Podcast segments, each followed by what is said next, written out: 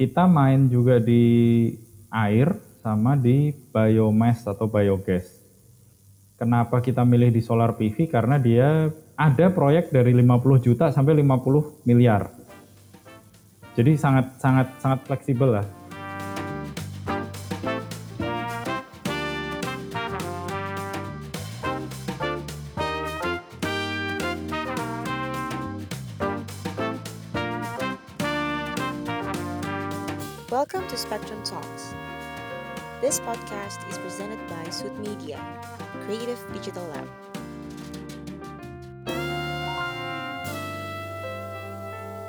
Selamat sore. Selamat datang di Spectrum Talks, podcast tentang bisnis, teknologi, dan entrepreneurship. Bersama saya Anggrawan Sugianto, dan sore ini kita akan ngobrol-ngobrol bareng Fajar Sastro Wijoyo. Beliau adalah co-founder dan CEO dari Sintek Otomasi Indonesia, sebuah perusahaan startup yang menyediakan solusi otomasi dan energi terbarukan. Fajar Sastrowijoyo memulai karirnya sebagai software engineer di Gemalto pada tahun 2009 di Singapura. Kemudian sebagai alumni Teknik Elektro ITB, beliau sempat melanjutkan kuliahnya di jurusan Teknik Elektro di Chungbuk National University di Korea tahun 2010 sampai 2012.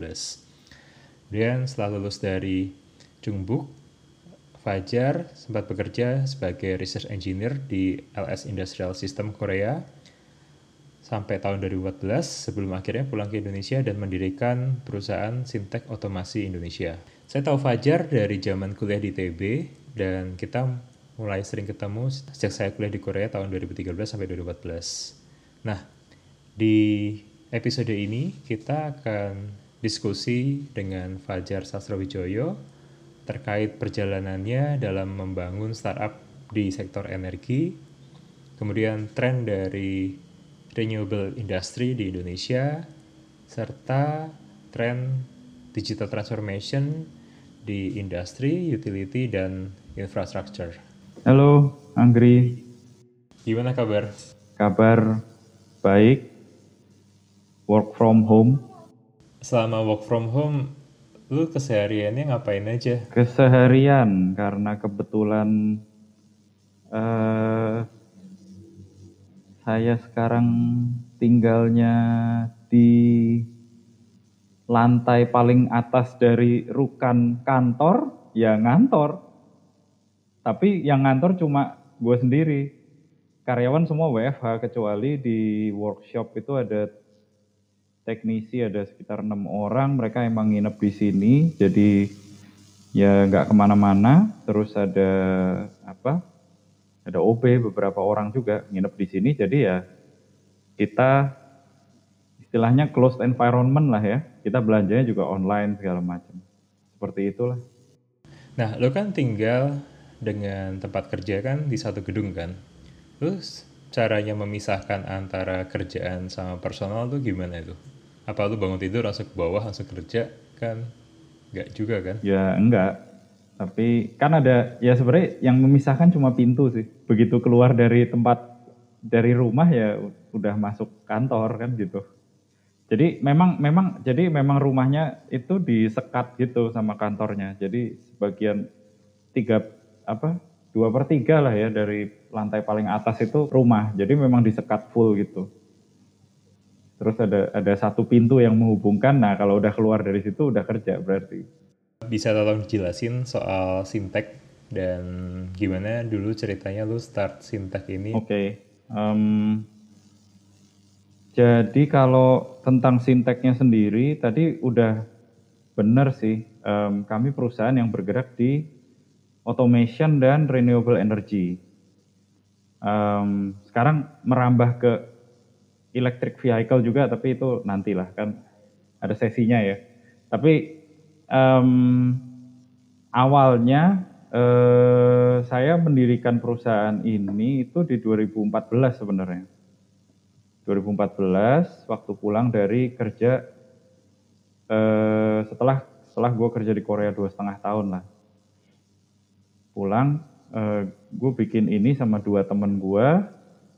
Um, awalnya, jadi gue belajarnya emang renewable energy Tapi uh, waktu gue pulang gue tuh nggak tahu bahwa sekarang Indonesia itu udah udah cukup mature untuk uh, mulai uh, bisnis di renewable energy. Jadi awal Sintek didirikan sebenarnya kita uh, fokusnya cuma di automation aja, di industrial automation, otomasi industri. Nah ternyata uh, setelah gue satu tahun muter-muter uh, lah ya, ternyata memang udah udah udah ripe di sini untuk memulai renewable energy. Jadi tahun 2015 juga uh, kita langsung uh, buka divisi untuk renewable energy-nya. Dalam hal ini kita megang solar PV, uh, hydroelectric, terus baru tahun lalu ya kita masuk ke biomass dan biogas kayak gitu. Uh, oh ya tadi kan bertiga itu sama teman-teman kuliah di ITB ya? Iya teman-teman kuliah di ITB. Ya terus kenapa kok yang di sasar pertama itu lebih ke automation control? Jadi sebenarnya tiga orang yang mendirikan perusahaan ini memang semuanya teknik elektro, tapi uh, apa uh, spesialisasinya beda-beda. Yang yang satu itu spesialisasinya di memang di uh, electric power. Uh, ada temen gue Ramadan itu dia electric power, terus satu lagi Yonas yang lu kayaknya lu udah pernah ketemu juga lah ya Yonas ya. Uh, Yonas itu spesialisasinya memang industrial automation. Sementara kalau gue spesialisasinya sebenarnya agak ngaco. Jadi kayak gue nggak punya spesialisasi. Gue lebih kayak jack of all trades karena gue kuliah itu industrial automation. S1 S1 gue industrial automation tapi gue ambil tesisnya automation untuk electric power. Eh tugas akhirnya. Terus S2 gue belajar uh, renewable energy. Terus gue kerja itu ngerjain automation untuk electric power lagi. Jadi sebenarnya, nah terus gue juga pernah kerja di Gemalto. Gemalto lu tahu sendiri kan software engineering. Gue jadi software engineer di situ. Jadi aneh banget lah perjalanan karirnya sebenarnya. Jadi kayak hampir, hampir semua subjur di elektro tuh lu kerjain ya? Iya, kecuali biomedik belum. Kecuali biomedik sama telco ya? Telco gue ngerti dikit-dikit.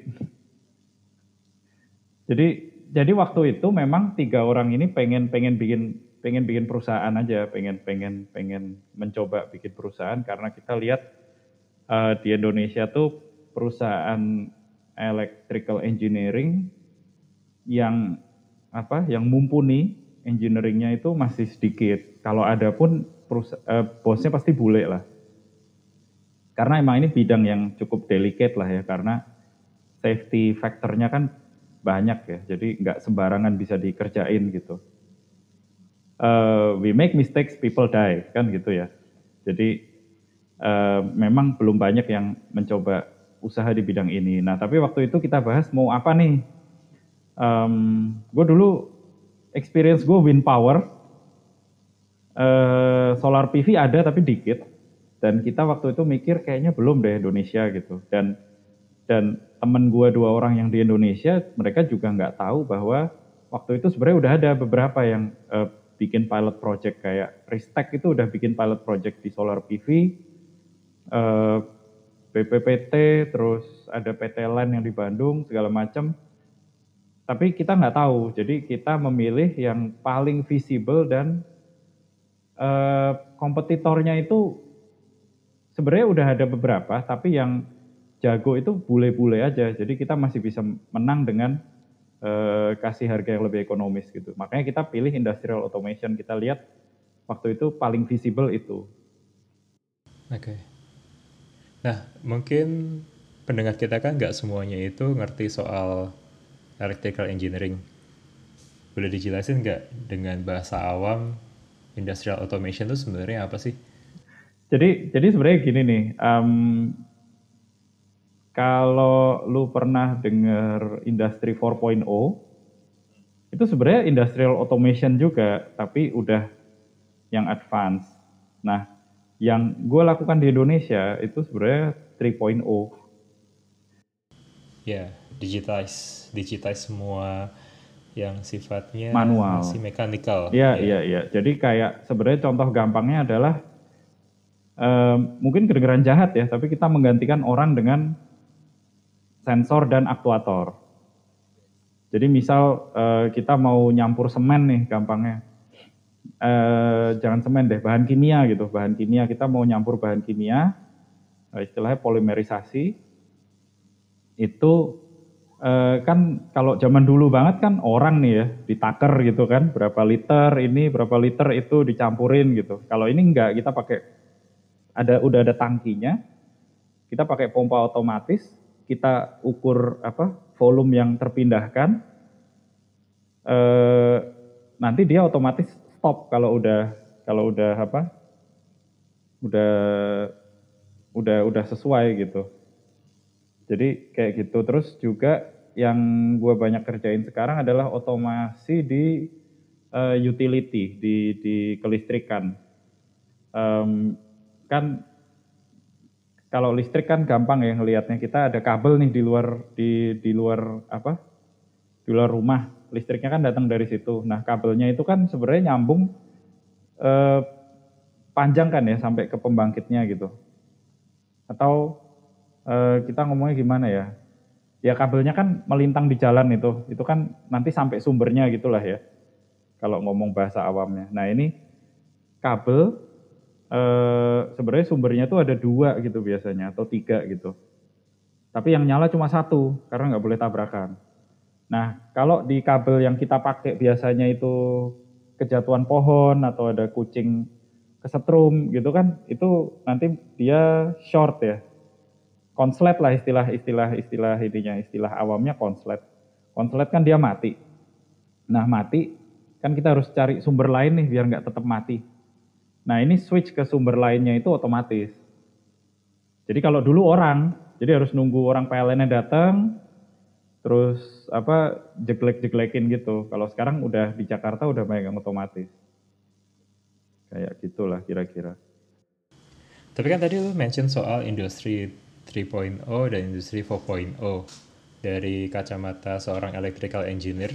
Sebenarnya bedanya apa sih antara kedua generasi tersebut? Jadi industri 3.0 itu kita yang jelas beda itu masih pakai kabel. Jadi semua sensor dan semua aktuator itu harus dihubungin pakai kabel. Entah itu FO atau eh, apa kabel LAN lah ya. Jadi kayak misalnya industri 3.0 itu kita cuma bisa ngerjain di satu area yang eh, sudah terkoneksi apa jaringan in, intranet lah ya istilahnya ya. Gitu. Jadi kayak di pabrik gitu. Kita udah ada sensornya kayak tadi di pabrik kimia. Ada ada ada pompa ada sensor terus ada valve gitu-gitu. Itu kita cuma bisa kontrol itu. Dan kontrolernya itu terpusat. Kalau 4.0 itu harusnya itu kita medianya udah wireless, jelas. Yang kedua, kontrolnya itu decentralized. Jadi setiap tempat itu punya controller kecil-kecil yang kalau misalnya terputus dengan yang apa controller utama itu, dia masih bisa eh, apa eh, jalan sendiri pak, eh, pakai pakai otaknya dia yang ada di situ gitu. Atau bahkan benar-benar emang fully decentralized, nggak ada yang nggak ada yang ngatur di apa sisi paling atasnya gitu walaupun itu agak susah sih untuk untuk industri agak susah pasti akan tetap ada yang ngatur tapi dia istilahnya bisa bisa bisa keputus gitu Kalau yang bisa fully control themselves di di lokasi tersebut, kayak misalnya contohnya di traffic light gitu. Udah ada nggak sih kayak implementasi industri 4.0 di traffic light? Nah it- Kalau case-nya kayak yang lu sebutin tadi. ini pertanyaan menarik ya sebenarnya kalau di dunia itu udah banyak jadi kayak eh, apa kalau di luar negeri itu kan lu sering lihat kan di internet bahwa ada ada kamera yang bisa kayak tahu ini orang, oh ini ngelihat bahkan dia bisa ngelihat ini siapa gitu. Eh, itu sebenarnya kamera itu dia gunakan untuk ngatur lalu lintas juga. Kayak dia ngetrack berapa mobil yang lewat, berapa motor yang lewat, dia menentukan kepadatan lalu lintas, terus dia secara otomatis dia ngubah durasi lampu merah dan hijau. Nah, itu kan gue sering lihat itu videonya, tapi itu sebenarnya udah diimplementasiin di real life nggak sih? Atau masih Kalau di luar negeri Konsep. udah, kalau di kita belum.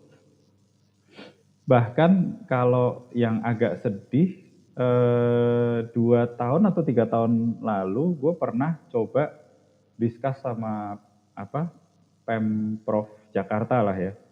Eh, gue pernah coba ke sana nanya sebenarnya kalau traffic light kita udah udah terpusat belum sih gitu. Eh sudah otomatis atau belum? Itu jawabannya belum.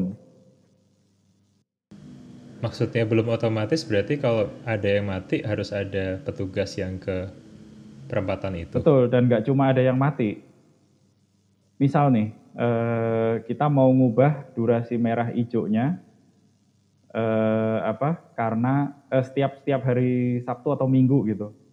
Hmm, kan kan beda lah ya. Lu lu pernah ngerasain kan kalau ini. Nah, itu tuh ada tukangnya yang mencet-mencet di situ. Oh manual. Manual. A- ada nggak komputernya tapi di di program sendiri. Terus kalau misal nih ada ada Jokowi mau lewat gitu. Itu orangnya program sendiri juga di timingin. Sebenarnya dulu udah pernah dicoba dibikin otomatis tapi dari kalau nggak salah Jakarta tuh 380-an titik gitu ya traffic light. Ada ada 380 apa entah perempatan, pertigaan atau simpang lima atau sebagainya. Itu yang di connect dulu cuma sekitar 70-an. Sekarang tinggal 16 Lah kenapa malah berkurang drastis? karena putus kabelnya. Dan dan dan ini memang kompleks karena itu pakai sensor, Gri. Jadi itu udah pakai sensor dari Australia. Cuma sensornya nggak jalan, dia nggak bisa mikir, mikir dia nggak bisa dia nggak bisa otomatis ngitung dan fiturnya biasanya dimatiin karena dia sering salah. Kenapa salah? Karena behavior masyarakat kita beda sama Australia. Kalau di sana kan misalnya mobil gitu. Mobil, ada mobil ada motor. Motornya kan ngantrinya rapi ya di belakang mobilnya. Satu, mot, satu mobil, satu motor, belakangnya satu motor lagi. Kalau di kita kan enggak. Dan dan nggak ada jarak kan. Jadi kayak misal ada lima motor baris gitu. Dia bacanya itu satu truk. Jadi AI-nya nggak jalan. Oh iya, itu yang beda juga 3.0 dengan 4.0. 4.0 itu udah harusnya udah ada AI-nya. Walaupun skalanya beda-beda. Ya kalau case-nya di traffic light kan buat nentuin eh, sebenarnya durasi lampu merahnya sebaiknya berapa lama Iya, gitu kan. optimumnya berapa lama biar nggak Iya. macet gitu. Dan itu kan harusnya dinamis ya, nggak bisa kita set sekali terus kita biarin gitu. Mesti kan tergantung kepadatan saat itu kan. Betul, betul, betul. Dan harusnya ada machine learning di situ buat nentuin eh, tiap hari itu optimumnya jam segini berapa, jam segini berapa gitu-gitu lah. Sebenarnya menarik sih tadi soal eh, traffic light di Jakarta yang lu bilang sebenarnya udah ada sensornya. Cuman berarti kan bisa dibilang kayak kalau udah ada sensornya, visinya kan udah ke industri 4.0. Tapi pada implementasinya malah sebagian besar itu tuh eh, mati gitu eh, untuk koneksi internetnya. Putus. Padahal kan sebenarnya kalau traffic light kan pakai listrik, sedangkan PLN kan juga setahu gua kan punya service untuk eh, jaringan internet juga kan ya sebenarnya. Iya, iya. Ini juga yang menarik gini. Eh, kalau jaringan, jadi kan kalau traffic light itu kan ada boxnya itu kan, yang lu lihat di perempatan itu sebenarnya itu satu box itu untuk satu perempatan gitu kan. Kalau koneksi dari box ke kantor pusatnya itu gampang, tinggal eh, dompleng jaringannya siapa lah, Telkomsel, XL atau sebagainya itu pemprov bisa bikin agreement apa dengan mudah lah. Yang susah adalah Eh, jadi itu gampang gampang maintenance-nya gitu kan. Yang susah itu adalah dari si box ini ke sensornya. Ada galian kabel putus, ada galian pipa putus, ada galian di tengah jalan putus. Ini masa ini udah susah lah. Maksudnya waktu gua gua nggak terlalu ngelanjutin lagi karena ini masalahnya adalah ur urban planning kita tuh belum integrated. Jadi mau pasang alat kayak apa juga ter rusak-rusak lagi gitu. Kalau sensornya pakai CCTV yang ditaruh di bawah uh, lampu merahnya mestinya lebih aman kan koneksinya? Harusnya gitu, makanya ini sekarang CCTV kan mulai banyak nih dipasang. Dan rencananya kan nggak pakai kabel. Jadi biar biar nggak ada masalah kayak gini. Jadi itu uh, panjang lah dan nggak semua CCTV bisa di tag kayak gitu. Ya ya hardware beda kan ya. Yeah. Nah tadi kan lu cerita soal gimana awal ngediriin Sintek. Uh, honestly sih teman gue yang di bidang energi atau yang lulusan teknik elektro yang akhirnya bikin usaha sendiri itu nggak banyak. Kebanyakan kan teman-teman dari jurusan IT karena kalau IT kan modalnya sebenarnya cuma laptop dan koneksi internet. Nah kalau kayak Sintek sebagai startup di bidang automation control dan energi gitu sebenarnya uh, tantangan apa aja sih yang lo hadapin ketika lo start this company gitu Hmm, tantangannya sebenarnya ada dua sih. Yang pertama capital, yang kedua people. Jadi tentang yang gampang dulu ya capital. Capital itu seperti lu bilang tadi kan kalau IT kan ya modalnya mungkin komputer lah ya dan tenaga kerja. Tapi tenaga kerja kan bisa dicicil juga kan bayar ya atau bisa di, dinego lah. Kalau industri atau energi itu kan kita harus beli barang dan jual barang. Istilahnya eh, modal modal modal barangnya itu besar sekali. Eh, misal apa? Kayak sebuah proyek automation itu kira-kira antara 500 juta sampai bisa sampai 20 M.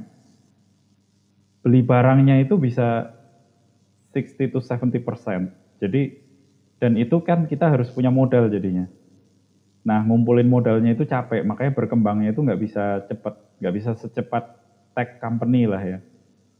Karena karena kita harus beli modal, eh, beli barang untuk modal. Ini kalau kasusnya kontraktor. Kalau kita R&D itu lebih susah lagi. Kalau kontraktor kan cepat nih, kita beli barang 60, misal kita beli barang satu miliar gitu. Mungkin tiga bulan lagi kita bisa dibayar gitu dibayar 1,2 atau 1,3 M gitu. Jadi muternya cepet. Kalau kita mau R&D itu lebih susah lagi. Karena kalau tech company kan R&D ya pakai komputer dan orang kan ya. Tapi kalau perusahaan eh, yang berhubungan dengan hardware, eh, ya industri energi ini, kan kita berarti eh, harus beli barang yang mau kita tes. Harus beli material juga. Terus eh, itu kan udah mahal ya. Yang lebih mahal lagi sebenarnya alat tesnya. Jadi kita kalau mau bikin barang, barang hardware, electrical atau electronics hardware, itu mungkin kita misalnya komponen kita beli eh, buat trial mungkin 100-200 juta bisa. Lah alat buat ngetesnya 1 M. Jadi kayak agak agak orang-orang takut duluan gitu untuk untuk mulai kapan sih gue bisa ngumpulin 1 M gitu. Kalau kalau tech kan mungkin bisa kita mulai usaha dengan modal let's say 100 juta atau 200 juta ya. Kalau electrical atau automation atau apalagi energi itu kan apa? Kalau nggak punya capital yang gede, takut duluan. Walaupun sebenarnya Sintek dulu juga nggak punya capital gede. Jadi kita emang apa dari bawah banget. Tapi sebenarnya ada triknya sih. Oke, okay. kalau lu mention soal uh, dua ya, jadi financing sama soal uh, harga buat alat tesnya sama orang. Ya, kalau soal financing kan sekarang banyak tuh kayak P2P financing yang mungkin kalau kita startup pinjam uang ke bank agak susah ya kalau kita belum dua tahun dan nggak nggak punya uh, aset fisik gitu. Tapi kan sekarang mulai banyak kayak uh, P2P financing yang yang sebenarnya kita dengan ngejaminin PO atau ngejaminin invoice itu bisa dapat pinjaman. Itu sempat explore hal itu nggak sih? Atau mungkin dulu Sintek awal-awal untuk financingnya gimana? Modal sendiri semua? Kalau kita kebetulan ada orang yang modalin. Jadi kita eh, apa dimodalin orang, dia ambil persenan. Sebenarnya mirip dengan lending lah ya, tapi ini benar-benar cuma by trust aja. Dan orangnya punya saham lah di Sintek. Jadi eh, mungkin mungkin dia juga mikir ini good investment. Um, kalau tentang lending P2P agak susahnya karena mereka biasanya itu mau financingnya invoice. Berarti kerjanya udah harus selesai dulu, padahal barangnya nggak, barangnya dibelinya di depan. Ada sih yang PO financing tapi biasanya lebih mahal gitu, dan mereka akan pilih-pilih uh, yang jadi klien lu harus yang punya experience. Gitu. Itu itu gue belum pernah nemu sih terus terang yang PO financing belum pernah nemu. Biasanya adanya yang yang gue nemu invoice. Eh dulu pernah nemu PO financing, tapi dia minta like interestnya 10% a month, kan itu nggak masuk oh, akal ya itu itu itu loan shark. Jadi agak nggak jelas kan gitu. Tapi kalau ada boleh sih, kita juga tetap selalu butuh financing lah, namanya perusahaan hardware. Iya. Yeah. Nah terus kan tadi soal yang uh, alat tesnya itu biasanya mahal. Itu ada nggak sih yang kayak uh, persewaan atau yang kita pay per use gitu? Kan alat tes itu kan nggak selalu kita pakai terus-terusan kan? Iya iya. Ada sih, tapi sewanya juga tetap mahal kan. Kalau sehari sejuta kan mahal juga. Capek kan. Karena barangnya harganya 500-an juta gitu. Jadi agak agak repot. Tapi sebenarnya yang paling sebenarnya capital itu bisa lah ya dicari. Yang paling susah itu people-nya itu. Jadi ini kan industri yang eh, apa sebenarnya uangnya gede gitu ya. Dan klien-kliennya itu orang-orang tua. Mereka biasanya kalau melihat anak-anak muda mulai apa anak-anak muda jualan gitu, mereka nggak percaya kalau kita nggak punya added value. Jadi membangun trust di orang orang-orang di kliennya ini susah. Kalau kalau kita apa? Kalau kita eh, baru dan masih muda itu susah. Beda kan kalau kayak dunia tech itu kan mungkin makin muda orangnya, kliennya makin percaya malah, oh ini genius nih, Bill Gates masa depan atau gimana gitu. Kalau di dunia kontraktor listrik dan automation ini dianggapnya kita nggak punya pengalaman kalau masih muda gitu. Hmm. Nah waktu itu Sintek gimana cara uh, mengakali masalah itu? Ya nggak bisa, emang harus sering nongol aja, sering sering nongkrongin, sering ya salesnya sering muter.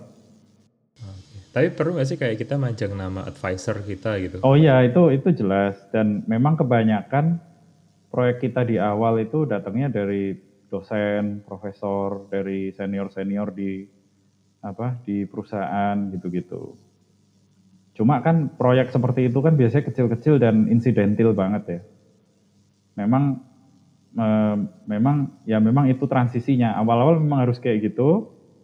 Nanti setahun gitu, setahun dua tahun harus udah bisa cari proyek sendiri. Kalau gue lihat kayak perusahaan tech itu gitu mereka mereka nggak nggak ngeliatin nggak ngeliat usia gitu kan si kliennya itu. Uh, nggak nggak terlalu lah.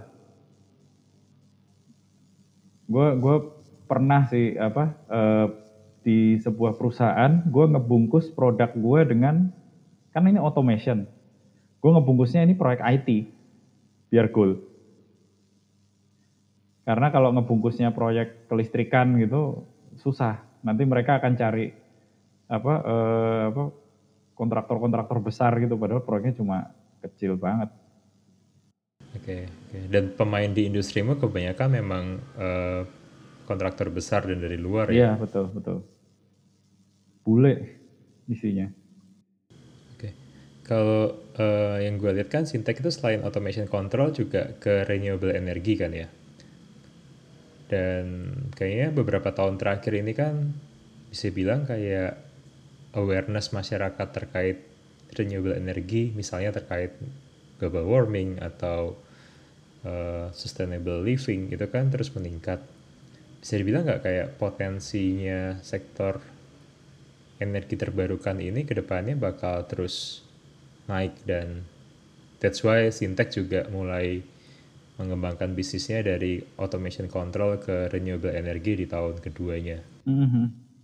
Uh, ya ini pertanyaan yang menarik sih dan sebenarnya lumayan kompleks dilihat dari eh, masing-masing uh, klien ya, masing-masing jenis klien. Jadi kan renewable energy itu sekarang kita ngebagi menjadi tiga apa tiga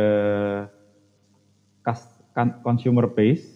Yang pertama itu utility jelas ya. Jadi PLN gitu. Maksudnya kita kita jualan listrik untuk uh, apa? Untuk untuk masyarakat besar gitu ya. Uh, untuk untuk negara lah. Uh, yang kedua adalah komersial industrial. Misal kita pasang solar PV di rooftop pabrik atau rooftop uh, bangunan komersil misalnya pom bensin atau gedung perkantoran, gedung apartemen seperti itu. Yang ketiga residential, residential itu di rumah. Nah, ini tantangannya tiga ini beda-beda semua. Uh, lu mau denger yang mana? Iya, yeah, gue dengerin semuanya lah. Oke, okay, oke. Okay.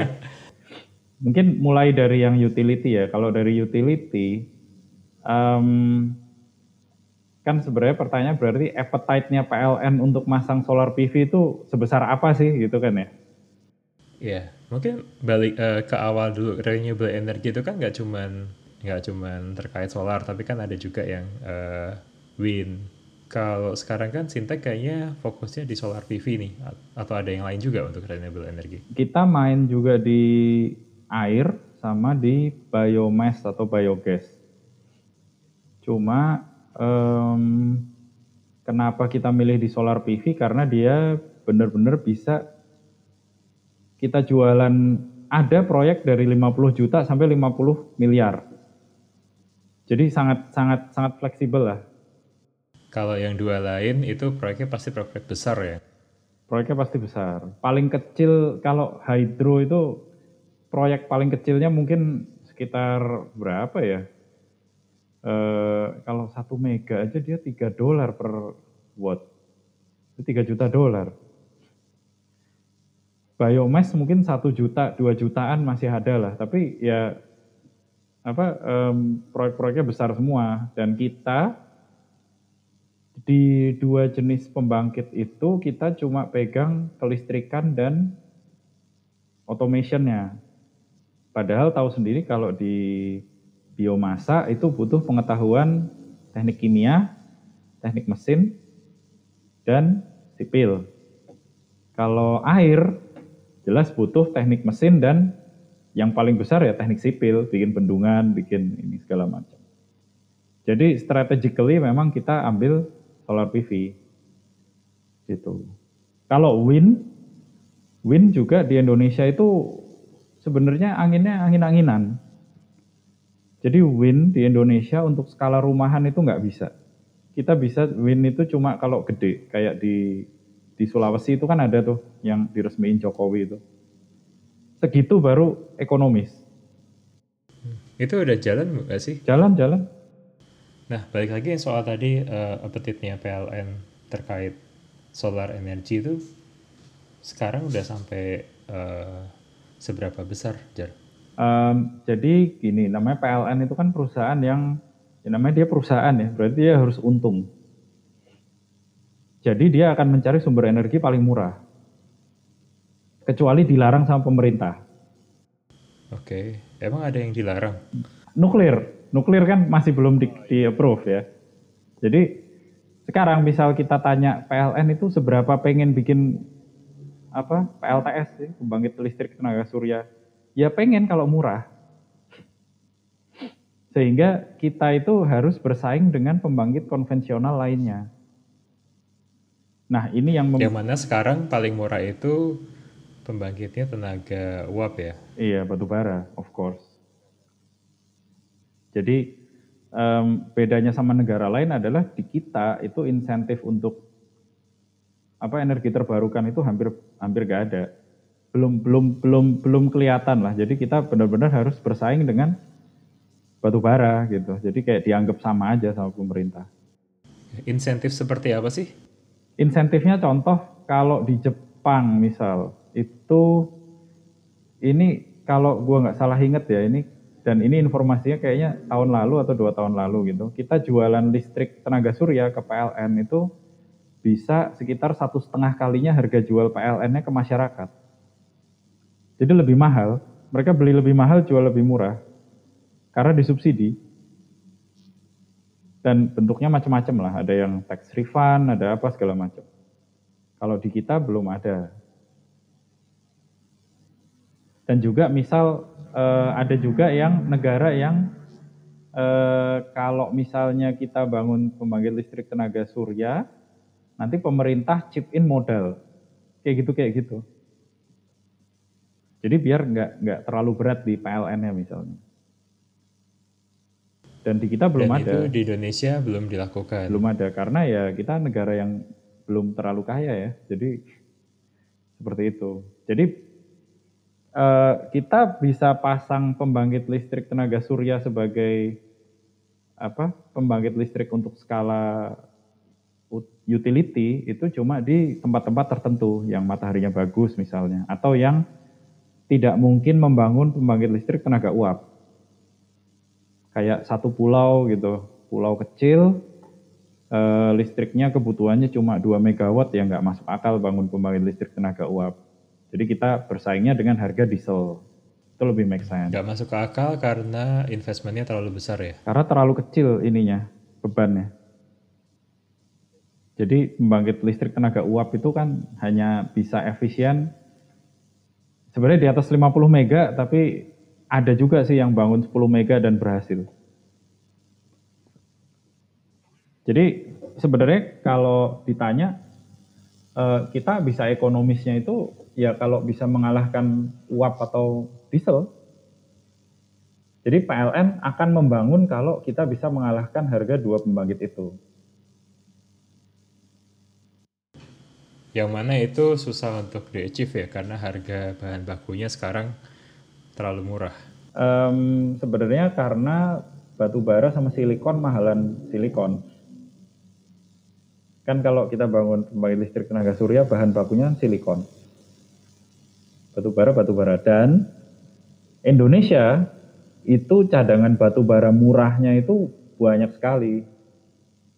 Jadi kayak kalau di pulau-pulau besar saya rasa mereka akan tetap bangun batu bara terus kecuali sekarang mulai nih. Jadi ada negara-negara yang nggak mau financing untuk pembangkit listrik yang non terbarukan. Jepang udah nggak mau lagi. Eh, terakhir dia 2030 kayaknya. Habis itu nggak mau lagi. Nggak mau financing ke project lokal atau project international kita, project? Project Indonesia. Hampir semua proyek eh, pembangkit listrik di Indonesia kalau udah lebih dari 100 juta dolar ya pasti financingnya asing semua. Apa itu mungkin related juga ya? Makanya uh, eh, gue sempat baca-baca itu data dari ESDM, katanya itu tahun 2025 itu target pembangkit listrik dari energi terbarukan itu sampai 23 persen gitu, 45 giga. Memang targetnya seperti itu sih. Cuma tercapai atau enggak ya nggak tahu kan target. Tapi kan dengan dengan adanya target yang cukup tinggi itu sekitar targetnya 23% gitu. Berarti kan bisa dibilang kayak prospek untuk renewable energy di Indonesia kan cukup tinggi kan ya. Kalau murah, kembali lagi kalau murah. Ini dalam kaitannya kalau mau dibeli sama PLN ya.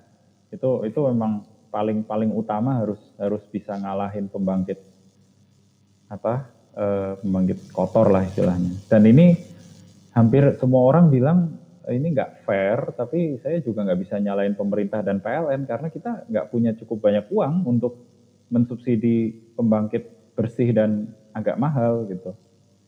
Coba misalnya, lu lu mau nggak kalau listrik kita naik dua kali lipat tapi bersih gitu? Nggak mau kan lo? Ya itu gue harus ngerti dulu sih kayak kenapa kenapa uh, bersih manfaatnya apa gitu kan misal kita bilang buat apa uh, apa biar gak ada pemanasan global ya kayak gitu kayak gitu tapi listriknya harganya dua kali lipat gue rasa bakal banyak yang marah sih apalagi masyarakat miskin mungkin kalau kita masih ya iya aja gitu ya jadi agak susah emang banyak yang tanya ke gue loh di negara tetangga kan gede tuh kayak Vietnam Malaysia itu energi terbarukannya mungkin 100 atau 1000 kali lipatnya kita secara jumlah. Kenapa kok bisa kayak gitu? Ya karena mereka nggak punya batu bara murah, batu bara impor. Jadi sama-sama mahal gitu ya udah. Itu obvious choice kan, nah, sama-sama mahal ya pilih yang bersih kan gitu. Cuma di kita kan banyak bahan bakar murah dan bahan bakar dan batu bara kita itu nggak bisa diolah jadi sesuatu yang lebih mahal gitu batu bara itu kan sebenarnya ada yang bisa diolah jadi uh, apa produk-produk sekunder dan tersier yang harganya yang yang harganya mahal kan atau bisa diekspor gitu. Batu bara kita tuh kalorinya rendah, biasanya cuma dibakar. Emang kayak negara ini disuruh pakai batu bara aja. Gue baru tahu kalau batu bara bisa diolah jadi produk yang punya value lebih tinggi. Itu contoh Produknya apa emang? Nah itu gue juga nggak terlalu inget sih, cuma gue pernah dijelasin uh, itu bisa bisa buat bahan bak bahan baku kosmetik apa segala macam banyak. Nah tadi kan lu bilang ada tiga segmen tuh. Yang pertama kan yang segmen uh, yang buat dipakai oleh masyarakat publik yang mana itu dibeli sama PLN kan. Nah untuk yang dua segmen lainnya gimana? Kalau yang industri sama komersial sekarang emang mulai booming. Jadi eh, sekarang karena pemerintah itu ngasih kelonggaran buat industri untuk eh, pasang pembangkit listrik tenaga surya sendiri. Dulu tuh nggak boleh. Dulu kalau kita bangun pembangkit listrik sendiri bakal dipenalti sama PLN. Oh, kenapa nggak boleh? Karena eh, Undang-Undang Dasar pasal 33 gitu? Um, enggak sih, karena karena kita PLTS itu nggak bisa berdiri tanpa nyantol ke PLN. Okay. Jadi jadi Terus? kita harus tetap nyantol PLN tapi kita bangun pembangkit sendiri. Jadi kayak revenue-nya PLN berkurang. Oh, jadi karena itu akan mengurangi revenue makanya dulu sempat nggak dibolehin. Tapi sekarang udah dibolehin kan? Sebenarnya bukan nggak dibolehin, dikasih penalti aja. Penaltinya mahal. Sekarang penaltinya murah. Jadi lebih visible. Uh, terus harga juga udah murah banget sekarang. Dan yang terakhir yang paling penting adalah perusahaan internasional dan perusahaan lokal itu udah banyak yang jadi developer untuk nyewain pembangkit listrik tenaga surya. Ada apa? Ada udah ada banyak banget sih um, perusahaan asing um, apa?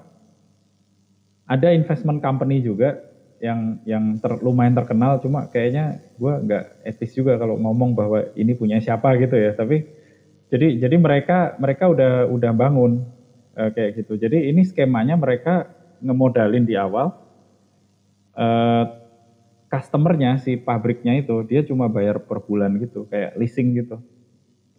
Oke, leasing untuk alatnya. Iya. Jadi nanti dibayar sesuai dengan uh, apa listrik yang dihasilkan.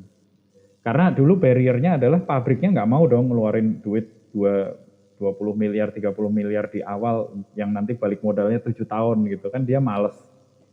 Cuma kalau investment company dari luar negeri atau apa konglomerasi di Indonesia gitu kan mereka balik modal 9 or 10 years nggak masalah kan karena mungkin mereka juga udah kebanyakan duit gitu. Jadi yang penting bisa invest. Nah kalau kayak industrial gitu sebenarnya motivasi mereka untuk pindah ke pembangkit listrik tenaga surya itu apa ya? Apakah lebih murah kah atau benar-benar karena untuk sustainable living. Nah, Uh, itu ada beberapa. Yang pertama jelas kalau lebih murah pasti mereka akan beli kan. Tapi ada juga beberapa perusahaan yang disuruh sama kantor pusatnya. Contohnya misal uh, itu yang depannya U. Itu dari Perancisnya sono disuruh pakai renewable energy. Terus semua pabriknya U itu udah mix sama Iya, mereka mereka surya. setiap bangun sekarang ada solar PV-nya gitu. Bahkan kantornya yang di BSD itu ada. Dan itu juga bisa jadi story juga ya bahwa perusahaan mereka itu mendukung eco environmental gitu. Iya, sebenarnya yang punya kepentingan perusahaan yang di Eropa induknya. Karena di sana ada carbon credit. Semak, jadi oh ya ini belum gue ceritain ya, carbon credit itu kalau misalnya kita itu apa eh, membangkitkan listrik dari tenaga yang ramah lingkungan itu nanti bank-bank atau lender di Eropa itu bisa nurunin bunga gitu-gitu, ngurangin pajak segala macam. Dan dan ini sebenarnya inisiatifnya ya dari Eropa dan dari ya dari Eropa sih gue nggak bisa bilang US ya US sekarang nggak tahu lah. Tapi Eropa itu benar-benar uh, benar-benar membuat itu menjadi penting kayak sekarang ada juga beberapa produk kita yang nggak bisa diekspor ke Eropa kalau nggak dapet cap green. Green itu semuanya dari materialnya, pengolahannya segala macam. Jadi ini ada juga beberapa perusahaan lokal yang sebenarnya punyanya lokal juga, tapi mereka harus pasang solar PV karena mereka harus mencapai threshold tertentu dalam efisiensi energi dan renewable energy untuk bisa ekspor ke Europe. Oke, okay, oke. Okay. Dan cap greennya itu tuh uh, ada badan sertifikasinya ya? Ada, ada. Kalau yang itu gue nggak ngerti mekanismenya ya, tapi kayak sekarang kan ada juga kayak Green Building Council Indonesia, itu dia bisa ngasih cap green itu. Dan itu kadang-kadang di request oleh Green Building Council di internasionalnya. Gitu. Jadi jadi drive-nya memang semuanya adalah ekonomi sih kalau si pabrik-pabrik ini, tapi ekonomi yang didrive oleh uh, orang-orang ram, cinta lingkungan di di negara lain. Kalau di negara kita belum. Hmm. Selain Eropa ada lagi nggak sih kayak negara-negara atau uh, asosiasi yang mewajibkan harus eco-friendly gitu? Kalau nggak salah, Jepang itu juga udah mulai, tapi yang gencar banget Eropa. Karena kan itu bisa jadi kayak lo mapping sebenarnya yang potensial untuk jadi customer lo tuh siapa aja gitu kan. Oke, okay, oke. Okay, okay. Nah, tadi yang pertama buat publik, yang kedua buat industrial, terus yang ketiga tadi segmennya residential, rumah. Ah, residential. Rumah sekarang juga udah mulai booming sih. Mulai mulai banyak uh, yang yang pasang buat rumah. Karena harganya udah lumayan murah, uh, eh, BEP-nya juga sekarang sekitar 7 lah, 7, 6 7 tahun lah. Jadi orang-orang mulai mulai apa? mulai mau. Jadi ini kayak kalau di kalangan orang tajir Jakarta itu ini udah kayak uh, mulai jadi kayak must have gitu. Mulai pada banding-bandingin gitu. Orang-orang ya orang-orang golf bilang, "Oh, kemarin gue juga pasang nih barang gue Eropa full gitu." Banyak yang kayak gitu ternyata gue juga tahu dari customer. Nah dia pengen masang. Kenapa pak? Ini soalnya apa uh, teman-teman saya udah pasang semua mas. Saya mau masang. Oh ya ya udah. Oke okay, gitu. Jadi uh, nggak melulu ngomongin cuan dan green tapi jadi prestis juga gitu. Uh, ya mungkin sebagian ada yang karena faktor prestis kan. Tapi kan ada juga yang sebagian karena faktor mereka teredukasi dengan pentingnya green energy. Iya, iya. Gue ada satu customer kayak gitu. Dan ini memang unik ya, karena si customer ini sebenarnya dia bisnisnya real, uh, bukan real estate ya, dia jual beli tanah atau gimana gitu. Ya real estate sih ya itu pas. Tapi dia tiba-tiba aja pengen pengen berkontribusi bagi lingkungan katanya. Terus pasang solar PV, ya ada aja sih mungkin yang kayak gitu. Gue lebih banyak dapat klien kalau gue uh, aim to itu tadi prestis tadi. Nah kalau kayak gitu berarti dari Sintex sendiri lo ada strategi untuk bikin hype buat penggunaan solar PV gitu gak sih? Um, nah itu mulai mulai tahun ini sih gue baru mulai karena sebelumnya gue lebih fokus ke PLN ke pabrik segala macam kan. Sekarang gue bikin anak perusahaan yang khusus ngincer residential pasang di rumah-rumah. Karena kan itu sangat bergantung sama ya ada yang terkait awareness buat lingkungan, ada juga yang soal prestis itu ya. Biasanya nggak ada yang kayak jarang yang alasannya dua itu. Eh, maksudnya gabungan dari dua itu biasanya salah satunya. Kalau yang prestis gitu berarti mereka kayak mamerin uh, solar PV-nya gitu iya. dong ke teman-teman Iya, ya? kalau temennya dateng atau apanya gitu dateng, dia itu solar PV-nya ditaruh eh apa kan solar PV itu ada panel di atas atap sama ada eh, kayak kotaknya itu eh apa unit konversi energinya lah yang mubah dari dari dari panelnya itu ke listrik apa buat rumah tangga gitu. Itu alatnya diminta ditaruh di ruang tamu kadang-kadang. Biar ditanya ini apaan? Oh, gue sekarang pakai matahari. Tapi itu dikombain juga sama smart home nggak sih kan? Kayak uh, recently itu konsep smart home itu kan lagi trending juga tuh. Orang-orang bisa kontrol penggunaan listrik di rumahnya gitu. Kalau yang lu perhatikan orang-orang yang mereka sudah pakai solar energi di rumah, itu mereka juga pakai si smart home itu. Iya, mereka sering nanyain kayak gitu. Kayak mereka nanyain kita jualan smart home apa enggak. Kayak gitu kayak gitu. Dan ada juga yang kita pasang dan rumahnya udah smart. Emang mungkin ada hubungannya juga.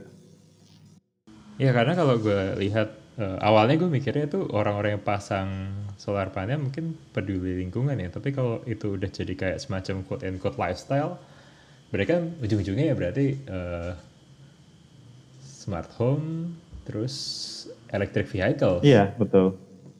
Iya ya jangan mereka udah udah inden Tesla juga. Bisa jadi bisa jadi. Makanya next next venture-nya kita kan itu apa uh, electric vehicle. Maksudnya next venture tuh berarti ada rencana untuk planning ke ke ngembangin layanan ke mobil listrik gitu? Sebenarnya kita udah dari 2018 ada project mobil listrik, tapi kita lebih fokus di charging stationnya. Jadi kita adalah perusahaan pertama yang pasang charging station di Jakarta. Kebetulan proyeknya dari Ristek. Oke, ini yang di Kementerian yang daerah Gambir bukan sih? Bukan, itu perusahaan lain. Kita pasang di uh, Serpong di Puspiptek Batan itu loh. Itu itu yang pertama dipasang di situ. Terus kita pasang yang di PLN Jakarta juga. Terus sama satu lagi di WTC kita juga pasang. Charging station. Charging station itu so far yang udah kalian pasang penggunaannya cukup tinggi nggak? Nah, beberapa tempat cukup tinggi taksi Bluebird yang di Gambir lumayan banyak yang di PLN Gambir di depan stasiun persis soalnya jadi habis nganter orang ke stasiun taksinya mampir situ ngecharge dan kebanyakan penggunanya masih yang taksi taksi Silverbird itu kan yang iya, udah iya. pakai mobil listrik kan ya Bluebird kan? Bluebird Silverbird itu mm -hmm. kan ada Bluebird ada Silverbird yang Tesla Bluebird eh Silver yang Bluebird kan apa BYD itu yang perusahaan Cina. Gue belum pernah lihat sih yang BYD. Yang BYD lu cari di ya itu di Soekarno di T3 mangkal di situ juga. Ada ada tempatnya tempat mangkal mobil listriknya ada. Tapi menurut lu kayak tren mobil listrik ini bakal di Indonesia bakal uh, happening juga gak sih kayak di US? Kayak di US itu kan bisa dibilang kayak driver utamanya itu Tesla kan.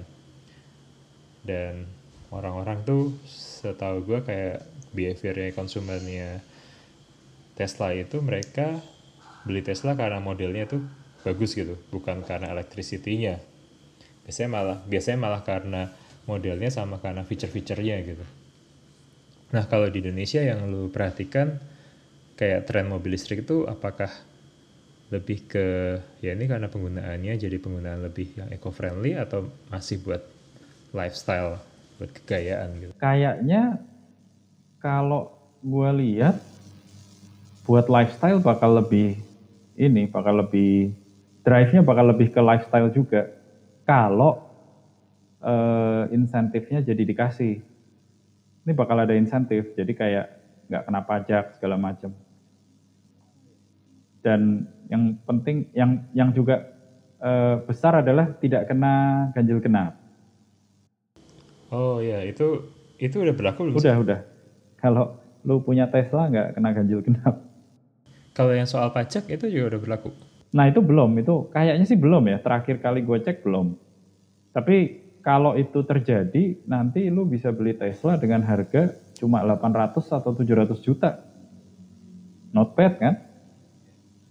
Di Amerika Tesla juga laku karena harganya cuma 25.000.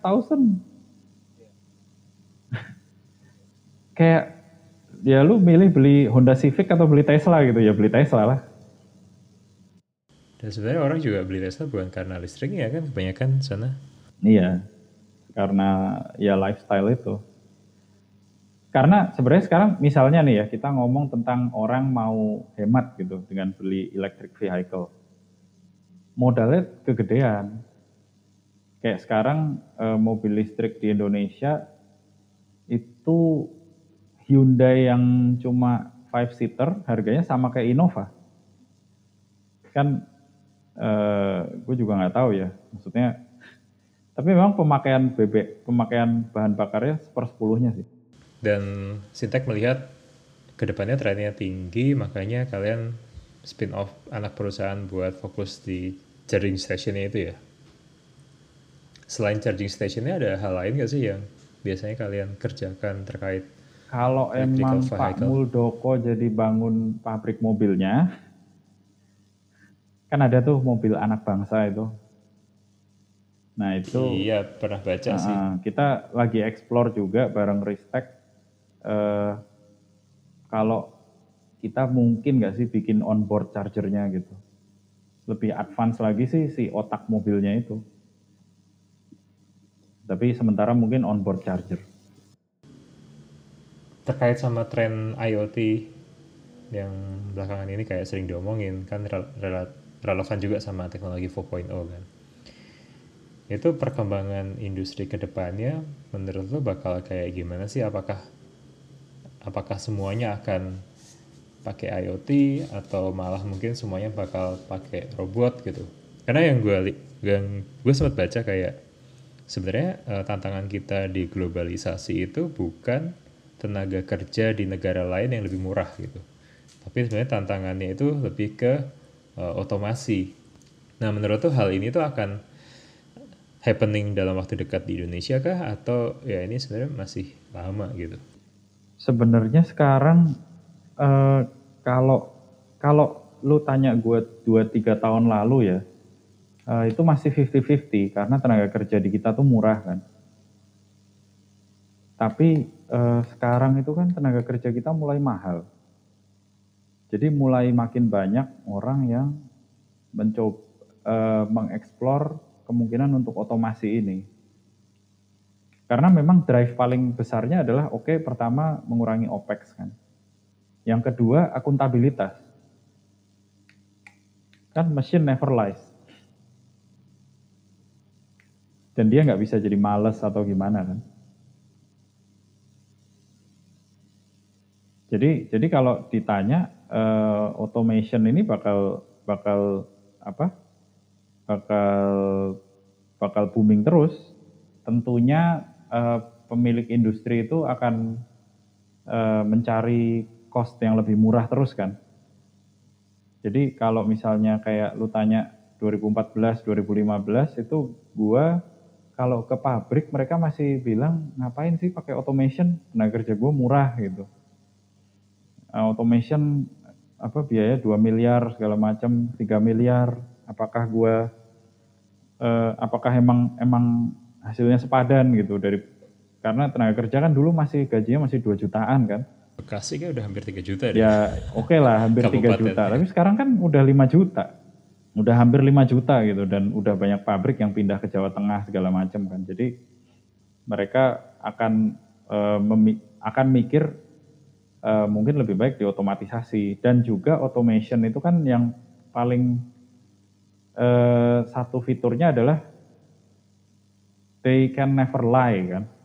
Namanya juga mesin gitu, dia nggak bisa nggak bisa bohong. Kalau ada data itu dia nggak bisa manipulasi kan gitu. Dan kualitasnya lebih terjaga kan kalau pakai automation. Ya, variasinya jadi bisa ditekan kan. Apa?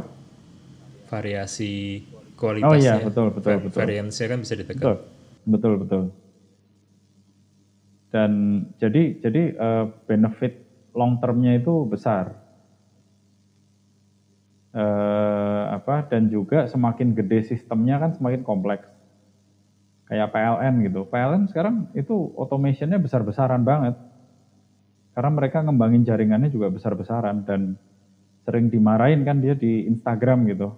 Listriknya mati segala macam itu sebenarnya hal-hal yang bisa ditekan dengan automation. Makanya mereka gencar banget automation tiap tahun keluar berapa triliun untuk automation.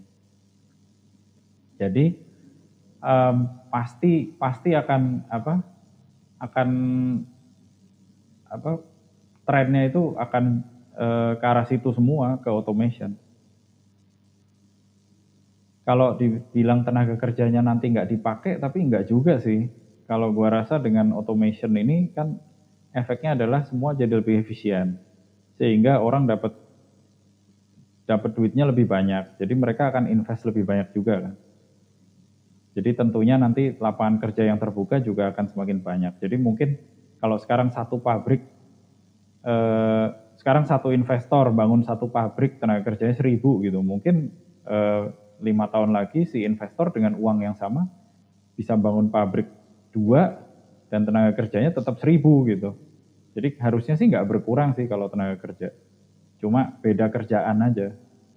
Jadi emang harus bisa beradaptasi nanti tenaga kerjanya. Dan itu mungkin jadi role-nya pemerintah untuk upgrade, untuk nyiapin tenaga kerja yang sekarang supaya ready di next generation of the industry ya. Mm-mm, Dan sekarang kan sebenarnya kita itu ngomongin terus industri 4.0, IoT. Tapi kan sebenarnya industri di kita, ya industri, utility, infrastructure itu kan sebenarnya masih banyak yang 2.0. Yang masih sangat manual. Nah, ini sekarang pertanyaannya, apakah kita akan langsung lompat ke 4.0 atau harus lewat 3.0 dulu kan gitu? Emang ada case yang berhasil loncat langsung gitu? Kayaknya semua yang gue baca sih pasti bertahap gak sih? Sebenarnya ada tapi parsial ya. Jadi kayak mereka langsung nggak pakai, langsung wireless gitu misalnya. Atau langsung eh, controllernya decentralized gitu. Tapi belum pakai AI kayak gitu kayak gitulah. Nah, kalau lihat trennya IoT ini akan terus meningkat, kemudian automation terus meningkat gitu. Sebenarnya eh, inovasi di dunia automation control ini ada ada tren apa aja sih, Jar? Dan inovasinya itu dari sisi kayak bisnis model ada juga nggak? Contohnya kayak misalnya yang tadi lu sempat sempat mention soal uh, solar PV itu kan ada juga yang sistemnya sekarang semacam kayak rental gitu atau leasing atau pay per use ya itu malahan ya. Nah kalau kayak di di automation control itu tuh ada inovasi-inovasi bisnis model seperti itu juga nggak? Em, ada tapi eh, mungkin terbatas ya. Eh, yang jelas kalau bisnis model bisnis model dari penyedia jasa dan barangnya ya pasti ada lah. Nanti kita akan apa akan akan ada perusahaan-perusahaan yang membuat alat-alat yang semakin efisien dan semakin low power istilahnya kan. Kalau IoT kan harus low power dan efisien dan murah. Kalau dari sisi apa eh, ownernya, owner owner owner apa aset ownernya, misal dari sisi pabrik gitu. Kalau dari pabrik sih mungkin bisnis modelnya tetap sama, cuma nanti berubah lebih banyak orang eh, IT dan orang apa engineeringnya daripada teknisi lapangan kan gitu ya. Cuma yang kayaknya bakal berubah banyak itu adalah smart city. Jadi kalau infrastruktur kita udah udah hampir semua IoT based, bukan nggak mungkin nanti akan ada perusahaan-perusahaan yang menjadi operator kota. Oke. Saat ini emang udah ada, belum ada kan semuanya? Kalau di luar negeri udah ada banyak, tapi masih masih baru beberapa eh, pilot project ya. Jadi kayak mereka ngelola satu apa satu satu komunitas satu satu apa gitu dengan berbasiskan eh, apa IoT ini. Tapi kan itu bukan nggak mungkin karena sekarang kalau di sisi otomasi energi udah banyak perusahaan yang menjadi operator microgrid. Jadi grid kecil eh, yang dikelola sendiri, entah untuk komunitasnya atau untuk industrinya gitu. Sorry kalau microgrid itu skalanya seberapa kecil ya? Kayak listrik buat perumahan gitu ya? Variatif sih, ada listrik buat perumahan di US gue pernah lihat listrik buat eh, satu kecamatan di Korea tuh Jeju itu ada empat kecamatan yang jadi satu smart grid, satu microgrid. Itu semuanya IoT based. Bahkan ngambil ngambil data meteran listriknya IoT based. Wireless. Pakai kalau lu sering dengar LoRa-LoRa itu. Gue lihat tahun 2015, gue nggak tahu masih masih jalan apa enggak nggak tahu. Tapi jadi mereka benar-benar melepaskan diri dari Capco. Capco itu Korean Electric Power Company, PLN Korea. Walaupun ini mungkin di Indonesia susah ya, karena undang-undang kita melarang itu. Kita semua harus beli dan jual ke PLN. Eh kenapa harus dijual ke PLN? Bukannya ada juga uh, perusahaan listrik swasta ya, kayak di di kawasan industri? Ya gitu, itu mereka juga. harus nah. dapat permit khusus dari menteri. Jadi itu nggak nggak sembarangan dan PLN akhir-akhir ini udah nggak pernah mau ngelepas ngelepas ini apa ngelepas wilayah usaha istilahnya. Gitu. Beberapa perusahaan teman-teman gue kolaps gara-gara mereka pengen bikin kayak gituan gak dikasih-kasih sama PLN sampai bertahun-tahun. Mereka nggak mau juga kehilangan revenue lah ya ini ini wajar lah. Tapi nggak diakuisisi sama PLN juga itu? Enggak, kan mereka pengen belum belum jadi.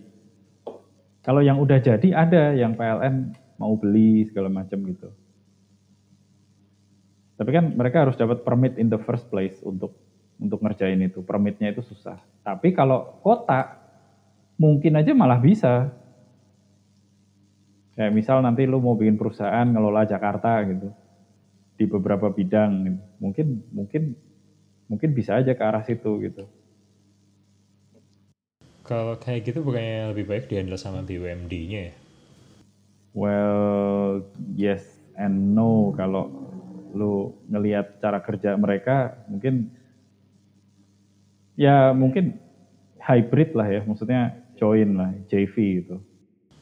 Dan menurut tuh caranya ngisi skill gap untuk sektor pekerjaan yang baru itu menurut lu kayak gimana cer karena asli gue agak agak nggak kebayang ya kalau misalnya orang-orang yang mungkin selama ini kerjanya jadi operator gitu Terus ketika mesin-mesin itu tuh semuanya uh, udah automated, sebenarnya dibutuhkan kan lebih ke engineer kan, engineer yang lebih ngerti teknisnya kan.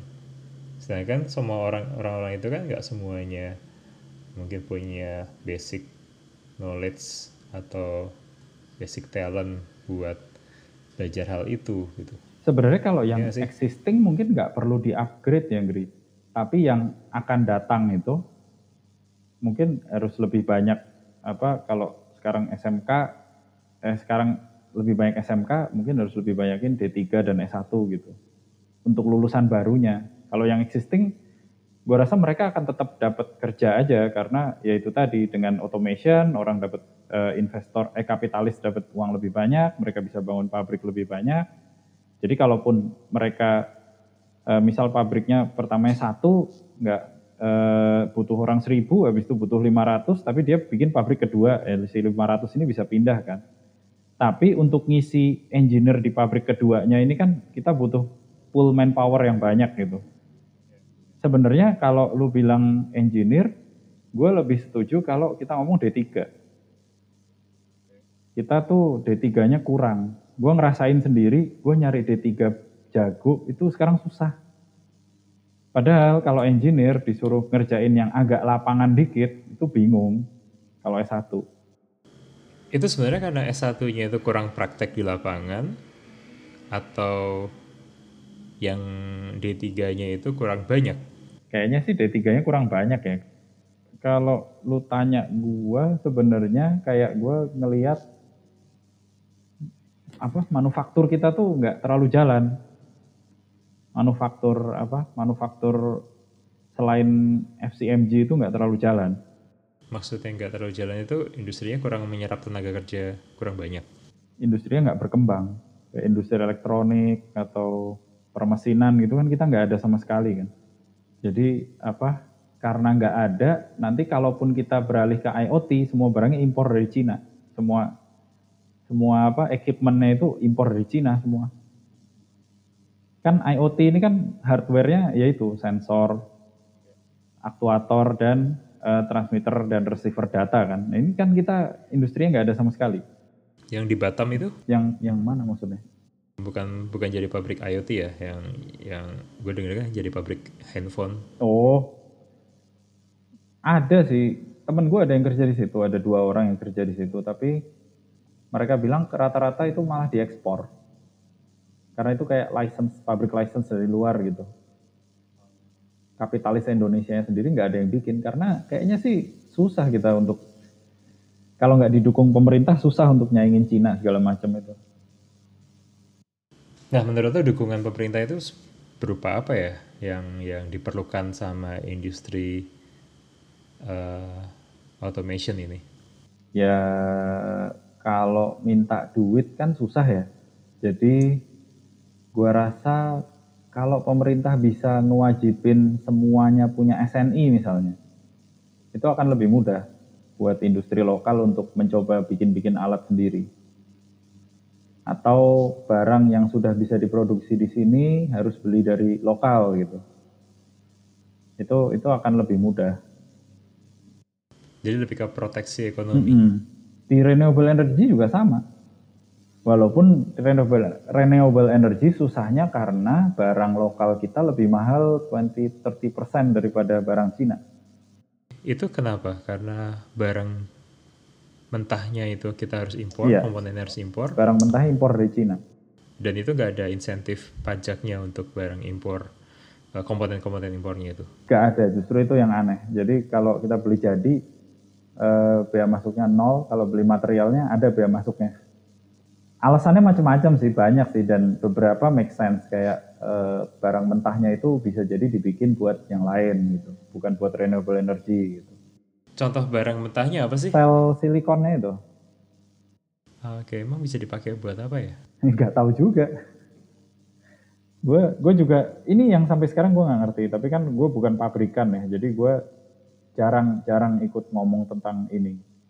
Tapi memang kenyataannya seperti itu. Barang barang lokal kita lebih mahal daripada barang impor dan pemerintah nggak bisa memproteksi dengan jadi gini kalau kita wajib pakai barang lokal itu industrinya nggak jalan eh apa bisnisnya mati karena nggak visible. Nggak visible karena supply-nya. Karena kemahalan. Sementara kalau kita beli barang impor terus, ya itu tadi kan kita ngomong ya apa perusahaan kayak fintech ini akan selamanya menjadi penjahit gitu. Jadi kita jahit doang barangnya dari luar semua. Hmm. Tadi yang pertama lo sebutin soal SNI. Kenapa emang dengan adanya standarisasi nasional, emang selama ini itu barang-barang yang masuk di Indonesia belum standardized? Uh, iya, banyak yang ya karena ini anggapannya kan barang spesifik ya nggak perlu ada SNI-nya dan SNI itu ada kalau ada yang mengajukan. Maksudnya ada yang bilang eh ini gue mau meng kan barang gue gitu. Kalau nggak ada ya nggak.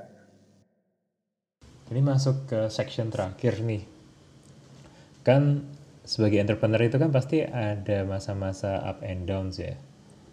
Dan uh, ada nggak sih kayak momen-momen yang tersulit yang pernah lo alami dalam membangun sintek enam tahun terakhir gitu. hmm, hmm, hmm, hmm. Paling sulit ya sekarang ini kan COVID. Tapi eh, gimana ya kalau dulu di awal fintech berdiri yang paling susah jelas convincing orang-orang untuk mempercayakan eh, development projectnya ke kami. Kan eh, soalnya kredensialnya masih belum banyak. Eh, setelah tahun 2017 project cenderung lancar. Yang sekarang jadi challenge finance. Jadi uh, financingnya seperti yang gue bilang ke lu tadi kan kita butuh modal untuk barang. Baik yang automation maupun yang eh, renewable energy, especially especially yang renewable energy itu kan padat modal. Jadi itu butuh butuh butuh capital. Hmm, dan apa? Uh, cash flow itu kita agak susah karena nagih orang itu nggak gampang. Apalagi kalau apa perusahaan kecil family gitu kan, itu bayarnya bisa lama. Kalau kayak PLN gitu cenderung lancar lah. Jadi cash flow sih paling susah. Ya. Kan ketika kayak misalnya um, di awal-awal membangun kredensial itu paling challenging ya. Dan waktu itu caranya lu uh, bisa solve that problem itu gimana? Hmm, yang paling pertama jelas uh, itu masang-masang nama orang-orang penting gitu kan, jadi komisaris, advisor, apa segala macam. Terus gua dulu sering jadi pembicara, jadi moderator segala macam di seminar-seminar gitulah, terutama di energi ya, terutama di bidang energi. Kalau yang dikontrol, gue kerjaan gue ya rajin-rajin muter aja, muter-muter Cikarang, muter-muter Jababeka, muter-muter Jatake gitu. Jadi ya ini apa, eh, apa nawar-nawarin produk. Tapi yang paling kena itu adalah ketika kita itu solusinya beda sama orang lain, entah kualitasnya lebih baik atau hasilnya jauh lebih eh apa kualitasnya lebih baik atau metodenya lebih baik atau jauh lebih murah. Jadi gue selalu nyari tiga ini. Maksudnya advantage kita apa? Ketika kita ada advantage, eh, ngomong ke klien itu gampang. Oke, dan ketika udah sebesar sekarang kan challenge itu mestinya ganti ya. Tadi jadi kayak uh, cash flow issue ya. Dan pas lagi pandemi kayak gini kan ada beberapa klien yang mungkin bakal susah ditagih. Dan kayak yang tadi lu bilang uh, agree sih buat company-company yang skalanya kecil kayak family bisnis atau yang ownernya itu masih pegang duitnya langsung itu tuh based on pengalaman gue malah makin ribet sih. Iya. Stres emang. Nagihnya stres iya makanya uh, dulunya gue awal-awal itu kalau misalnya uh, dapet klien yang dari perusahaan yang mungkin individual atau mungkin family business, family business, gue biasanya kayak gue pricingnya gue kasih diskon tuh dulu. Karena gue mikir oh ini skala bisnisnya nggak terlalu nggak terlalu besar gitu. Mungkin value dari apps yang gue bikin itu buat mereka nggak terlalu signifikan. Makanya gue kasih harga diskon cuma setelah gue pelajari yang kayak gini-gini tuh malah makin ribet gitu kerjaan gue bisa kayak diteleponin kapan aja iya gitu iya kan. iya. Akhirnya uh, kayaknya selama dua tahun terakhir gue nggak pernah lagi tuh ngasih diskon ke uh, klien yang tipikalnya kayak gitu. Gue gue malah ngetritnya oh ini tuh pasti akan lebih ribet gitu. Karena buat misalnya buat company yang besar uang 100 juta itu kan receh gitu kan. Tapi buat company kecil 100 juta itu kan kayak hal yang gede. Itu itu yang gue pelajarin sih kayak gimana uh, kayaknya perlu ngefilter ngefilter jenis klien yang kita handle ya. Kecuali Gri klien ini bisnisnya majoritinya ekspor. Kalau yang biasanya ek, kalau yang ekspor itu cash flow-nya bagus banget gue nggak pernah telat dibayar bahkan ada yang gue belum invoice sudah dikirimin duit Kenapa ini Pak? Oh iya, soalnya jadwal kita bayar hari ini Pak, udahlah. Bingung jadinya. Jadi jadi kalau yang apa family nih, perusahaannya kecil, tapi ekspor, itu cash flow-nya bagus. Some, somehow. Gue belum pernah dapat case yang kayak gitu sih. Cuma kalau yang perusahaan-perusahaan besar itu kan biasanya mereka punya standar tuh kalau udah terima invoice tanggal berapa, mereka punya KPI harus bayar sebelum tanggal berapa gitu kan. Iya, itu lebih pasti. Nah itu lebih pasti itu. Cuman kayak di kondisi sekarang ini, ya ini mungkin buat pendengar yang baru dengerin podcast ini, ini bulan Mei tahun 2020, Jakarta lagi uh, eh, PSBB, lagi ada pandemi COVID-19. Jadi even kayak perusahaan-perusahaan besar pun ada loh yang sebagian kayak mulai kayak uh, nge-delay paymentnya. Even ada klien gue yang kayak uh, tiba-tiba cancel projectnya padahal PO-nya udah terbit. Wih. Dengan cara nge-delete PO-nya dari sistem mereka. Maksudnya? Jadi tiba-tiba, oh ini PO ini tidak ada di sistem kami. Kok pinter banget? itu itu kasar banget sih kayaknya. Uh, so far sih untung uh, apa ya sejauh ini sih ketika mereka jadi klien kita sih baik-baik aja ya. Mungkin baru kali ini kayak case khusus gitu. Ini semoga bisa di solve dengan baik ya. Cuman itu kayak cara yang ajaib sih. Tadinya gue mikir ah ketika nih gue pegang klien-klien yang besar mestinya mereka cukup secure lah gitu soal pembayaran dan sebagainya gitu tapi ternyata kok ada yang cukup unik juga yang gue alamin gitu. Tapi sekarang gue juga udah mulai ngerasain ini Giri mungkin nanti kita akan uh, Sintek akan kembali ke masalah lima tahun lalu. Karena sekarang proyek jauh berkurang investment jauh berkurang kan. Jadi kita kayak harus jualannya lebih kencang lagi. Jadi udah mungkin nanti cash flow jadi masalah kedua lagi. Ya kalau itu gue sih dari awal quarter 2 ini mulai nurunin pricing level gue sih karena kayak targetnya gimana bisa secure project sebanyak-banyaknya iya yeah, iya yeah. karena kayak kayak uh, di awal quarter ini tuh ada sekitar 5 gitu 5 project yang udah mau deal tapi di hold mm -hmm. bahkan ada satu klien gue yang secara industri sih mereka nggak kena impactnya ya itu uh, siang ngirim email bahwa ya ini kita deal dengan Sweet Media, sorenya dibatalin gitu. sorenya dibatalin. Kayak setelah kita meeting internal kayaknya project ini kita delay dulu deh. Sampai pandemi ini selesai. Terus kayak ah bisnis lu kan bisnis online gitu. Iya. Apalagi kan kalau gua kan added value dari produk gua kan untuk uh, industri lah ya. Ya industrinya kan sekarang pada mandek.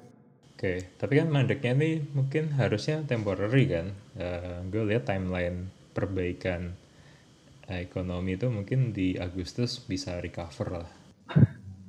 Kayaknya optimis banget lo yang yang lu baca. gue berusaha untuk tidak membaca berita-berita yang bikin pesimis gitu karena nyiapin pesimistik skenario itu cukup pusing sih. Jadi untuk untuk uh, solar PV untuk renewable energy itu salah satu yang sekarang lagi banyak sebenarnya itu adalah mall dan hotel. Ya tapi sekarang kan mereka mati semua. Jadi ya udah nggak mungkin lagi kalau itu dua itu. Kan gitu. Jadi uh, lini bisnis lo yang ngarahnya ke mall dan hotel itu tuh mesti perlu cari target market baru ya. Iya. Dan yang rumah juga mereka kan pasti orang-orang tajir pun pengen apa uh, hold cash kan. Jadi untuk bikin investment-investment untuk lifestyle atau untuk apa uh, nurunin listrik atau gimana mungkin mereka apa uh, mikir-mikir lagi kan gitu. Ya, semoga bisa segera inilah segera recover normal lagi gitu.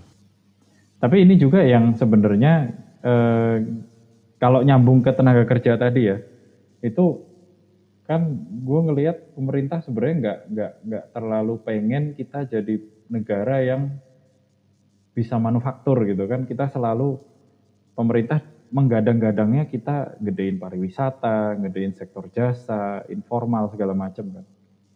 Tapi kan begitu ada kejadian seperti ini kan harusnya pemerintah mikir lagi gitu.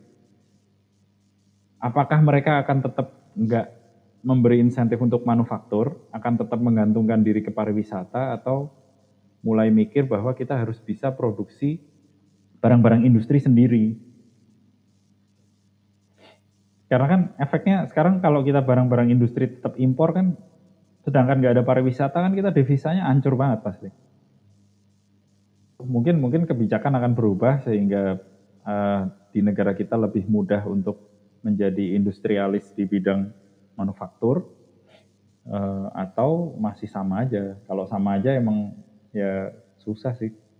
Kalau gue baca-baca kan kita harus prepare tuh ada tiga skenario kan. Skenario optimis, skenario realistis, sama skenario pesimistis.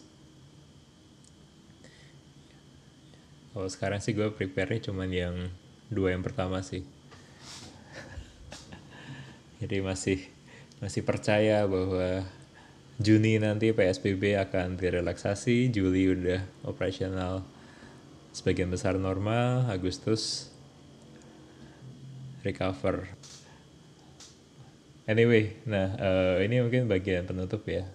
Um, lalu ada ini gak sih kayak blog atau buku atau mungkin bacaan yang sering lu baca untuk lu supaya keep update dengan industri atau mungkin keep update dengan manajemen style gitu?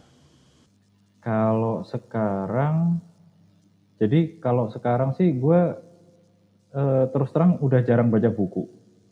Udah jarang baca buku, uh, gue follow-follow akun-akun teknologi, tapi uh, sebenarnya informasi dari situ yang relevan itu nggak terlalu banyak juga.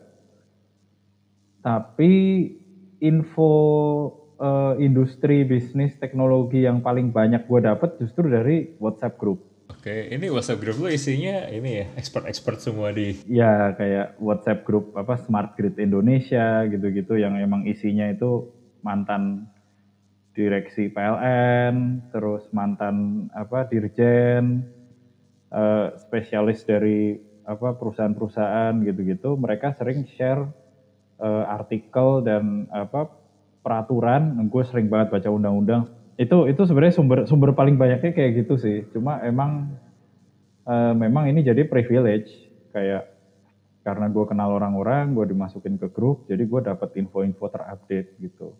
Yang bisa uh, biasanya kalau gue dapat langsung gue share ke anak buah gue, gue suruh mereka pelajari.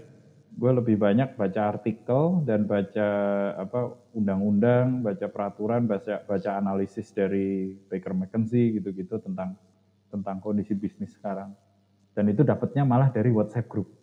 Ya ini sebenarnya privilege dari kalau sering dealing sama government dan BUMN kan itu kan. Jadi kita sering ngobrol sama uh, apa orang-orang yang dimasukin ke grup WhatsApp sama orang lain yang pengen mereka ada di grup itu. Terus kita ikut ke, ke ketarik juga. Dan gue sekarang aktif di asosiasi. Asosiasi Smart Grid, Asosiasi Persatuan Insinyur. Jadinya gue saling uh, dapat-dapat infonya justru dari situ. Oke, jadi update dari komunitas-komunitas yang memang uh, sesuai dengan ekspertisnya. Mm -hmm. Yang gue nggak ada komunitas justru komunitas startup gitu. Jadi gue nggak tahu info-info oh sekarang tuh cara manajerial kayak gini, manage project kayak gini, gitu-gitu. Itu biasanya gue tanya ke orang-orang termasuk tanya ke lu sih. Ya, yeah. yeah, anyway, uh, last question nih. Uh, lu kan sebagai alumni teknik elektro, misalnya suatu saat nanti lu dikasih chance untuk uh, ngisi kuliah tamu buat semua mahasiswa teknik elektro, nggak cuma ITB tapi mungkin di seluruh Indonesia gitu. Kira-kira message apa yang akan disampaikan oleh seorang Fajar Sasro Widoyo? Gue sering juga ditanya ini sama junior ya, um, apa? Lu punya pesan-pesan gak buat gue? Biasanya junior-junior gue nanya, gue pengen jadi entrepreneur gitu di bidang elektro Nah, lu punya Ya pesan lu kan buat pasti gue? senior yang legend kan.